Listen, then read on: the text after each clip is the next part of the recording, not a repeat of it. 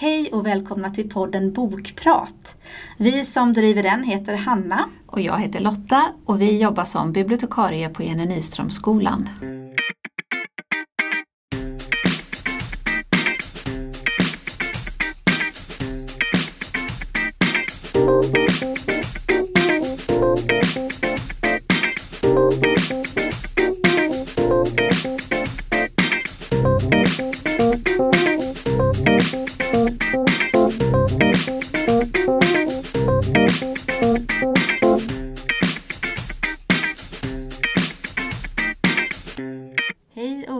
Välkomna till podden. Hej, vad kul! Det är snart sportlov ju Lotta. Ja, men vi hinner ju med en till sån här boktipsrunda och vi har med oss tre stycken böcker idag. Precis. Två ungdomsböcker och en vuxenroman. Ja, precis. Kanske något som man då vill ha med sig på lovet och låna hem. Ja, ska du ta och börja med din?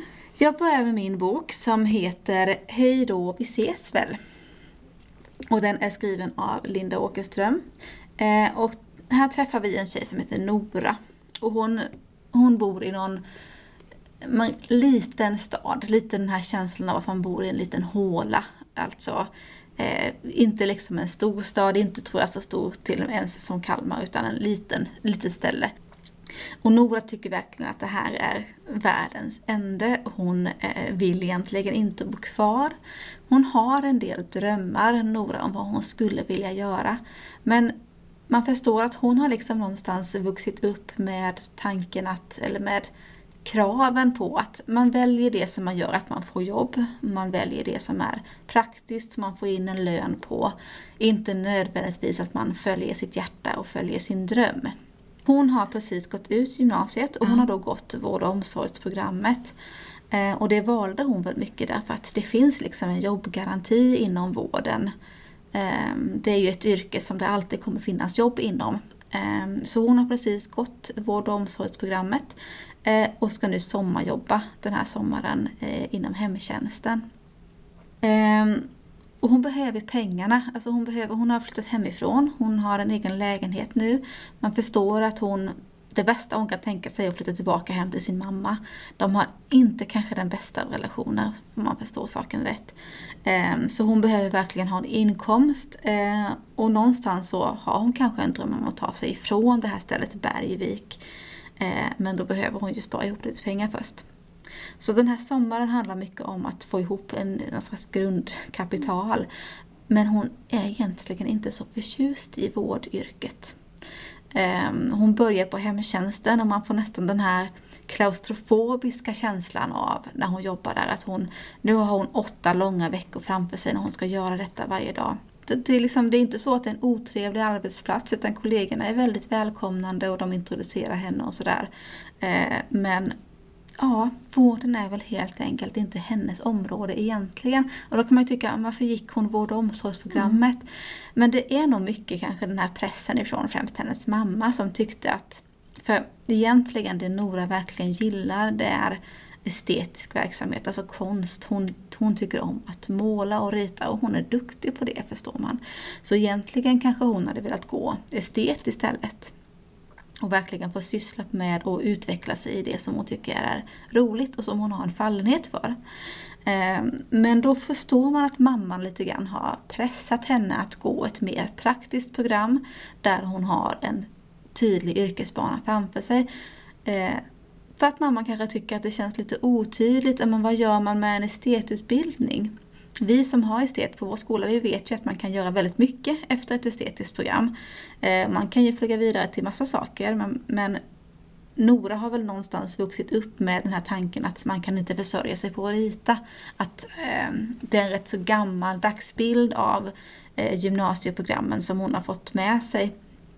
Eh, och därmed så har hon liksom lite blivit pressad till att gå ett, mer, ett program där hon har ett yrke efter gymnasiet.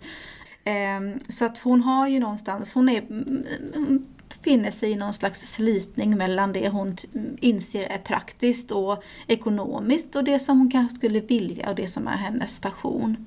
Så varje dag när hon kommer hem, hon har jobbat då eh, med sina hemtjänstrundor, så sätter hon sig liksom med papper och penna och verkligen bara får slappna av. Eh, så gör hon det. Och Det är hennes eh, tillflyktsort kan man säga, målandet och ritandet. Ehm, men det man får göra här nu är att följa Nora eh, när hon introduceras. Man får rätt så bra bild av hemtjänsten. Det är inte så att yrket framhävs som något negativt på det viset. Utan jag tycker att man får en rätt så bra bild av vad det innebär att komma hem till människor och hjälpa dem, de som inte kan ta hand om sig själva av olika anledningar och så. Ehm, och då får man möta de personerna som hon träffar, de här brukarna. Eh, man får också träffa en, hennes allra äldsta och godaste vän, Leo. Eh, de har varit känt varandra otroligt länge och man förstår här att det kanske finns någonting mer i den relationen. Eh, och det är väl nästan en av de sakerna som jag tycker är det bästa med boken. Så är det den här väldigt fina vänskapen som skrivs fram mellan Nora och Leo.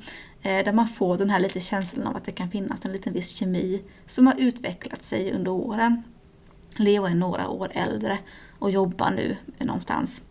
Ehm, sen finns det också en kompis från gymnasietiden, Sanna, som väl lite grann har glidit ut i periferin vad gäller Noras liv. Ehm, och frågan är väl lite grann varför det har blivit så. Och det får man också lite grann fram under bokens gång. Ehm, och sen är det just den här slitningen mellan vad Nora egentligen vill och vad hon tänker att hon borde göra eller vad som är smart att göra. Så det som jag tycker om med boken är att eh, jag tycker om den här känslan av att, eller jag tycker om, jag kan känna igen den här känslan av att inte veta vad man vill. Eh, de första sommarjobben kanske inte alltid är så roliga utan man gör det verkligen för att få in pengar. Ehm, och just den här vänskapsrelationen med Leo. Sen tycker jag det är lite synd att det är en så pass eh, traditionell och gammaldags syn på gymnasieutbildning som skrivs fram här. Att eh, VO skulle vara ett sådant program man bara går för att ha en stadig inkomst. Eh, eller att estet bara är någonting man går för att få rita. Alltså det känns ju inte så eh, realistiskt eller så, så att det känns inte som att det är så det är. Ehm, så det är väl nackdelen tycker jag med boken. Men hur, hur långt kommer boken? Hittar hon sin dröm? Eller? Ja, hon landar ju i någonting. Mm. och det blir väl också lite av en uppgörelse med hennes mamma kan man okay. se sig till. Men man ser också hur hon på något vis kommer rätt så nära de här brukarna som hon besöker i hemtjänsten.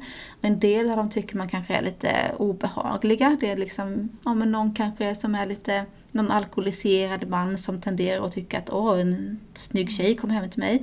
Medan det är någon äldre tant som är jättemysig och som också har ett konstnärligt intresse så de hittar en gemensam grund och så. Så det är verkligen olika personer som hon kommer hem till. Eh, och sen är det hennes jobbarkompisar och det är en rätt så mysig stämning i det arbetslaget. Eh, så att någonstans så sker ju en, kanske någon slags mognad hos Nora under den här sommaren då som den här boken utspelar sig under. Eh, så att jag tycker att det är en rätt så trevlig ungdomsbok och den är inte särskilt svår. Den är liksom berättad från Noras perspektiv hela tiden. Och det är rätt så mycket från början till slut. Det är inte massa hopp i tiden eller så.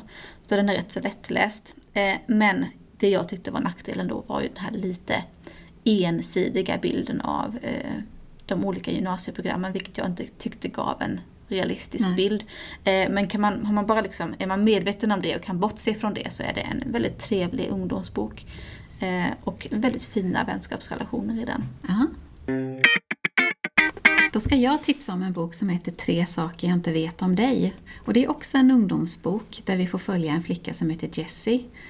Eh, hon, jag, jag tänkte jag skulle läsa första stycket i boken för den säger så mycket om eh, ja, hur boken, vad boken handlar om. Och den, det är en så bra inledning. 733 dagar efter att min mamma dog, 45 dagar efter att min pappa rymde med en främling som han träffat på internet, 30 dagar efter att vi drog upp rötterna och flyttade till Kalifornien och bara sju dagar efter att jag började som junior på en alldeles ny skola där jag känner ungefär noll personer kommer det ett mejl. Och det är precis det det handlar om. Alltså den här Jessie, hon och hennes familj har bott i Chicago tror jag det är en helt liksom vanlig familj, inte jätterika, inte jättefattiga, så här medelfamilj. Hon har gått på en vanlig high school med liksom vanliga ungdomar. Men hennes mamma dör i en snabb cancer så det, det, går liksom väldigt fort där. Och man får egentligen inte så mycket förhistoria utan boken börjar rakt in i det här att pappan har träffat en ny kvinna som heter Rachel. Hon jobbar inom filmindustrin i Los Angeles och de flyttar dit. Och då kommer de till ett sånt där superlyxigt hus. Och hon ska ju då börja på en ny high school. Och det är en high school med helt andra typer av kompisar än vad hon är van vid från Chicago. Här är det liksom rikemansbarn. Och det är en rolig scen precis i början, hennes första dag när hon kommer lite trevande. Hon har liksom helt fel kläder på sig, det är inga märkeskläder, det är inte alls, hon vet inte alls hur det ska se ut. Alla tjejer är, är långa och solbrända och smala och kommer med klänningar med bara axelremmar på axlarna. Så det är liksom det, är det man ska ha nu och hon kommer med ja, liksom jeans och skjorta och sådär. Ja, så hon sticker ju ut lite. Och den här första scenen på skolan, då sitter de utomhus en klass och hon sätter sig lite sådär bakom några stycken och vill bara liksom lyssna in och försöka förstå hur stämningen är.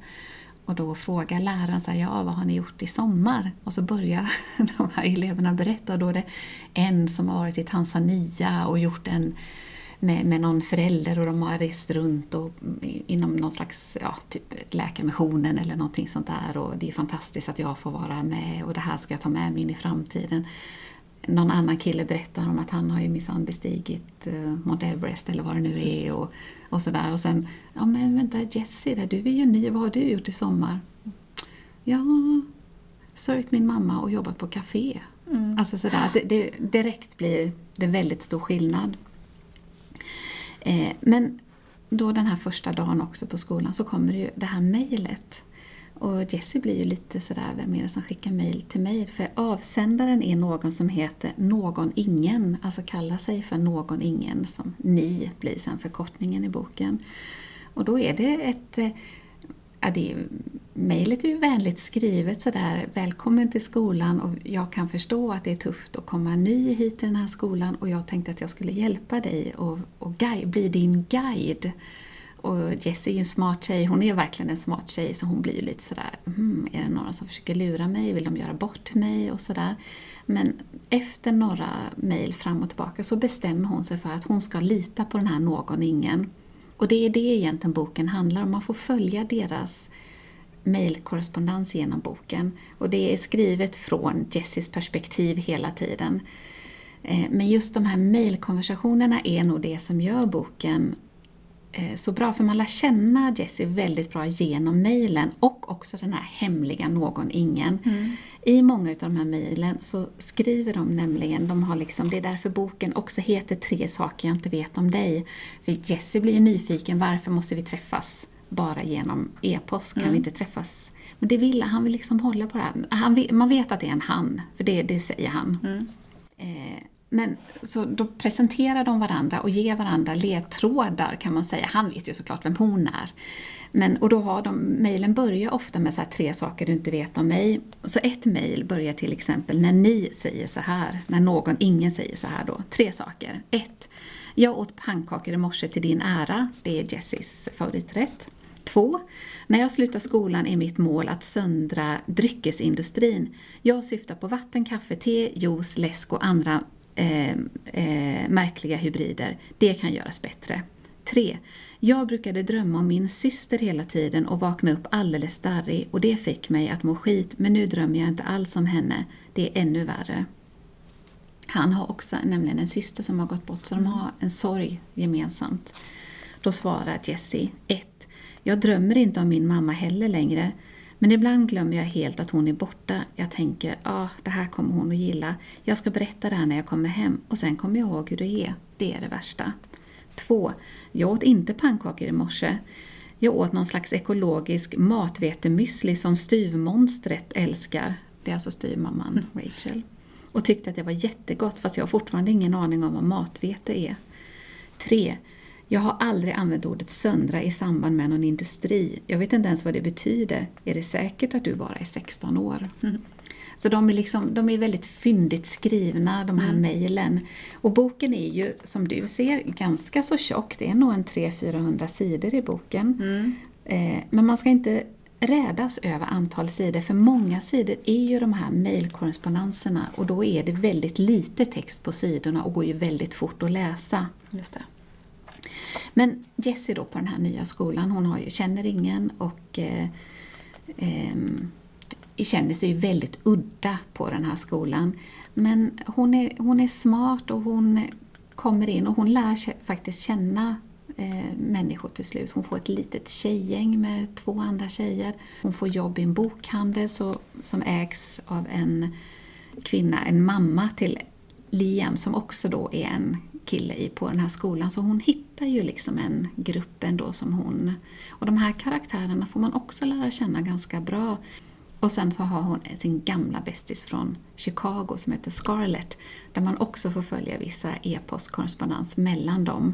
Så det är många personer som man ändå eh, ja, mm. liksom bildar eh, den här världen runt henne. Så man lär känna Jessie väldigt väl, tycker jag, i boken just genom hennes korrespondens med de olika kompisarna. Men den är ju den är otroligt liksom sockersöt, eh, bedårande, romantisk, vad man vill. Men så samtidigt just eftersom det på något sätt handlar om den här djupaste, svartaste sorgen av saknaden av hennes mamma, som är väldigt fint beskriven.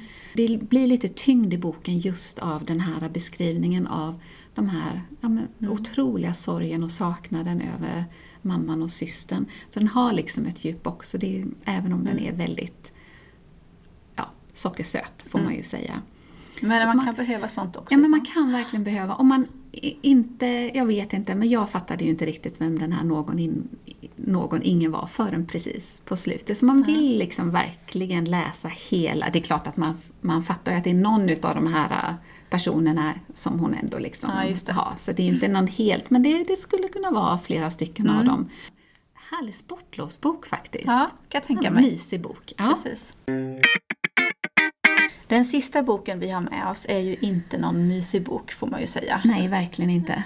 Eh, den har vi båda läst och vi båda tyckte att det var en sån bok som är eh, den är ju omskakande, det står faktiskt på, på framsidan också. En av de mest omskakande, briljanta böcker jag har läst, skriver en recensent i The Times. Ja, den pajade tre nattsömner för mig för jag kände att jag måste bara läsa ut den snabbt så jag ja. kan sova ordentligt för den, man blir så illa berörd ja, av verkligen. boken. Mm. Eh, och boken vi pratar om heter Förlåt och är skriven av Eve Ensler.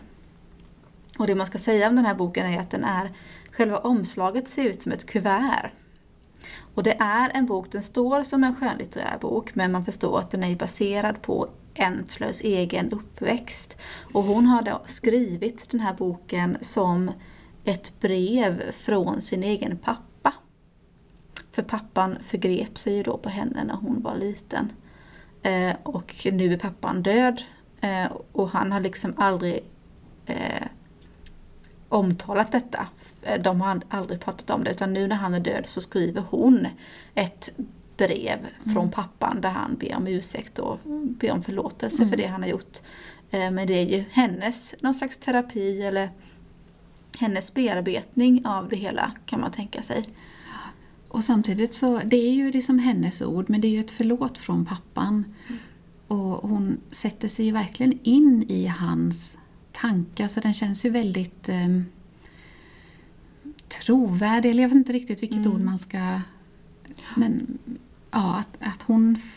Det blir ju någon slags distans i mm. det här mm. brevet med hur pappan formulerar sig och berättar hans sida av av den här uppväxten som mm. hon har. Men ska vi börja från början? För den börjar egentligen med att hon är, är fem år mm. och det är ju då övergreppen börjar. Precis. Och innan dess så har ju hon varit familjens och hans solstråle. Så det mm. blir en väldigt abrupt händelse för den här lilla, lilla femåringen. Mm. Som är, allting är glatt och härligt och hon älskar sin tillvaro, hon sjunger och dansar och mm. den ger ju väldigt så solsken av det. Och sen kommer en vuxen och gör någonting så obegripligt. Mm. Så för det här lilla barnet att vara med om att pappan gör någonting som hon inte alls förstår, Nej. tycker om. Något som inte känns rätt men som man ju som femåring såklart inte kan sätta ord på Nej, vad det är. Precis. blir ju... Ja. ja. Och det börjar, alltså, just det här, det är ju som sagt pappans perspektiv. Och han mm men hur han då på något vis eh, förklarar den här processen i honom. Hur han gick från att vara pappan som verkligen avgudar sin lilla dotter till att bli den som vill utöva kontroll och makt över henne. För någonstans, så vi pratade lite grann här innan, så Ja. handlar det ju någonstans om makt och kontroll. Mm. Eh, den typen av övergrepp han gör är ju aldrig ett, så att säga, helt samlag från hans perspektiv. Utan han inte nödvändigtvis ens själv sexuellt upphetsad av det Nej, han gör. Utan eh, han bara gör det för ett sätt att på något vis kontrollera henne. Mm. Och man förstår att det har någon koppling till, ja, men hon är i femårsåldern nu, hon börjar ju liksom, men den här processen man går igenom i olika stadier som barn. Att man kanske distanserar sig från sina föräldrar, man blir mer självständig. Mm. Man kanske också som barn blir mer medveten om hur man kan manipulera sina föräldrar till att göra det man vill. Och, ja, men det finns någon sekvens i boken där det beskrivs hur, hur Eve då, eller barnet, eh, kanske är medveten om att jag kan få min pappa att göra så här och jag bara inte låtsas om honom först eller så. Och de där små sakerna märker man ju då att pappan lägger märke till och blir väldigt störd av.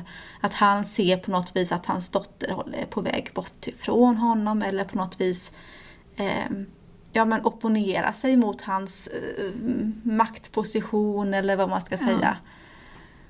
Och, så, och han gör ju de här sexuella övergreppen under några år från hennes femårsdag eh, till en bit upp 9-10 kanske. eller Ja, någonting kanske något sånt. sånt där i början av skolåldern Ja. är det i alla fall. Då Eve eh, kommer på ett sätt som där, där hon liksom tar makt över de här situationerna. Mm. Eh, Hon, hon blir helt liksom stel Ja. och då förlorar han ju sin makt över henne i den situationen. Ja. Men då kommer ju istället då, då börjar han ju istället med en väldigt både fysisk och psykisk misshandel av Precis. Eve som ju sen löper genom hela historien också under hennes vuxna Ja. liv. För man får ju följa henne ju hela vägen upp eh, Precis, till vuxen. är vuxen. Så övergreppen, de fysiska, alltså de sexuella så att säga, eh, är ju mest, det är ju på natten när hon Mm. är liten då. Alltså från fem års ålder upp till kanske några år till. Mm. Eh, och sen som sagt så slutar han ju när hon Ja, hon bara blir helt lealös. Hon liksom Mm. reagerar inte på hans närvaro i rummet och då slutar han. Eh, och då blir det mer det här mentala. Mm. Att han försöker bryta ner henne, han talar illa om henne. Han liksom nästan gaddar ihop familjen mot henne för att hon Såklart de här övergreppen de sätter ju sina spår i henne och hon blir ett, lite av det här man kan kalla för ett problembarn. Mm. Lite utåtagerande. Utåtagerande, hon börjar prestera dåligt i skolan, hon är kanske våldsam mot sina kompisar eller har inte så mycket kompisar. Eller, och hon får liksom lite stämpel av att vara opålitlig, att hon ljuger och hittar på och sådär. Eh, och då blir det att både mamman och syskonen och pappan Mm. liksom blir lite emot henne och börjar säga att ah, men, åh, hon är ju sån. Mm. Så det blir liksom en distans mellan henne och familjen. Och det är som att pappan i den här förklaringen då, det här brevet, så är det som att han säger att det var liksom eh, en triumf nästan då, att han lyckades med att få henne så eh, ja, att han vann på något Ja. vis. Och det är ju det som gör boken så, så att den går verkligen in i en. Det Ja. här att en vuxen man kan känna att det är en sån glädje att slå ner på ett litet barn Mm. som man ju tycker man som vuxen ändå har ett överläge mot. För man har en erfarenhet och kunskap Mm. och så. Men att, att det är en sån, att han gör sig själv på samma nivå som Mm. ett barn och att det blir den här maktkampen mellan Precis. och, och hon tar ju också faktiskt sen, hon utnyttjar ju också lite av eh, makt och försöker att manipulera sin pappa ju i vissa scener Mm. och liksom att det, det blir en kamp Ja. mellan dem. Precis. Men, men pappan är ju den som vinner för han har ju ändå den vuxnes eh, Mm. styrka och eh, Precis. Ja. Och det här som sagt fortgår ju tills att hon är vuxen och hon eh, man förstår att hon har ju ändå inte brutit med sin familj. Ja, och det, det, som, det förvånade ju både dig och mig lite Mm. att, att hon inte gör det som vuxen heller. Att det finns kvar det här Mm. behovet av att vara bekräftad hemifrån, Ja. Mm. att få sina föräldrars godkännande. Och man förstår att hon har ju en väldigt dålig självbild, att hon tenderar att bara ha relationer med gifta män, att hon ser sig Mm. själv som att hon inte förtjänar kärlek utan hon är bara någon som man ligger med så att säga. Och det är väl Eh. det kanske som gör att vi som inte har varit med om det här har svårt att förstå att hon hela tiden går tillbaka men hon är ju så nedbruten. Det är ett destruktivt beteende ja. tänker jag, det här att gå tillbaka till pappan och liksom Ja. hela tiden söka hans eh, ja men antingen så söker hon hans eh, bekräftelse eller så söker hon hans, vad ska man säga, att han ska be om ursäkt eller säga mm. någonting. Eh, men det gör han ju aldrig. Eh, och även till och med när hon ska gifta sig så ja. får han vara den som går längs altaret med henne.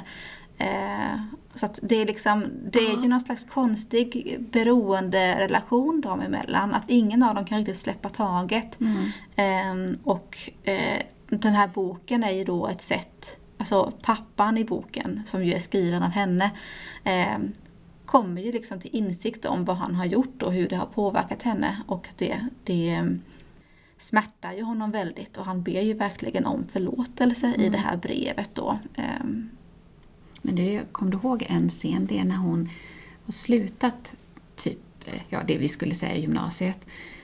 Eh, och då är hon ju, och, och jag, jag, tror inte hon lyckades gå ut med betyg, men hon, ändå, hon, hon pluggar ju upp sig lite och hon blir väldigt duktig på, det är väl lite estetiska ämnen om jag minns rätt, om det är fotografi mm. eller vad det är.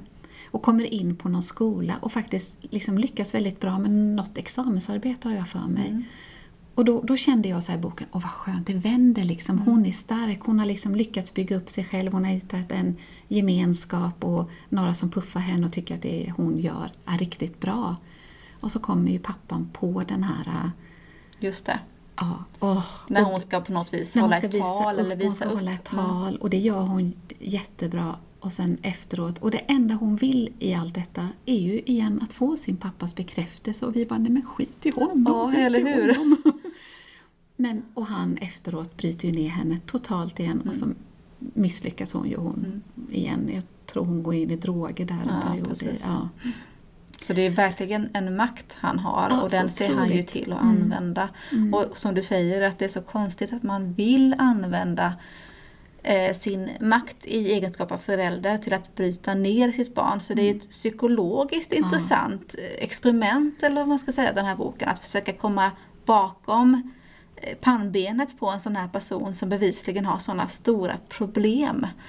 Mm. Ja, nej, det, alltså den här kan man prata mycket om. Vi skulle kunna ha ett helt avsnitt om ja. den här och vi har redan eh, pratat rätt så länge Oj, om den. Ja. Men Eh, det är ju definitivt inte en bok som man läser för underhållning som de här kanske två andra som är lite trevliga böcker. Utan det här är ju någonting som man ska läsa om man är, intressant, om man är intresserad av mm. eh, övergreppsrelationer och bearbetande av övergrepp och sådär så kan den här vara väldigt intressant. Men och den kanske är gärna ju... läsa den ihop med någon ja, så att man kan prata om den. För mm. den väcker ändå så mycket mm. frågor och funderingar. Just det här som vi har pratat om idag. Mm, verkligen. Eh, med det sagt hoppas att ni får ett jättehärligt sportlov och att ni passar på att läsa lite bra böcker. Ja, ha det så bra! Ha det bra, hej hej! hej då.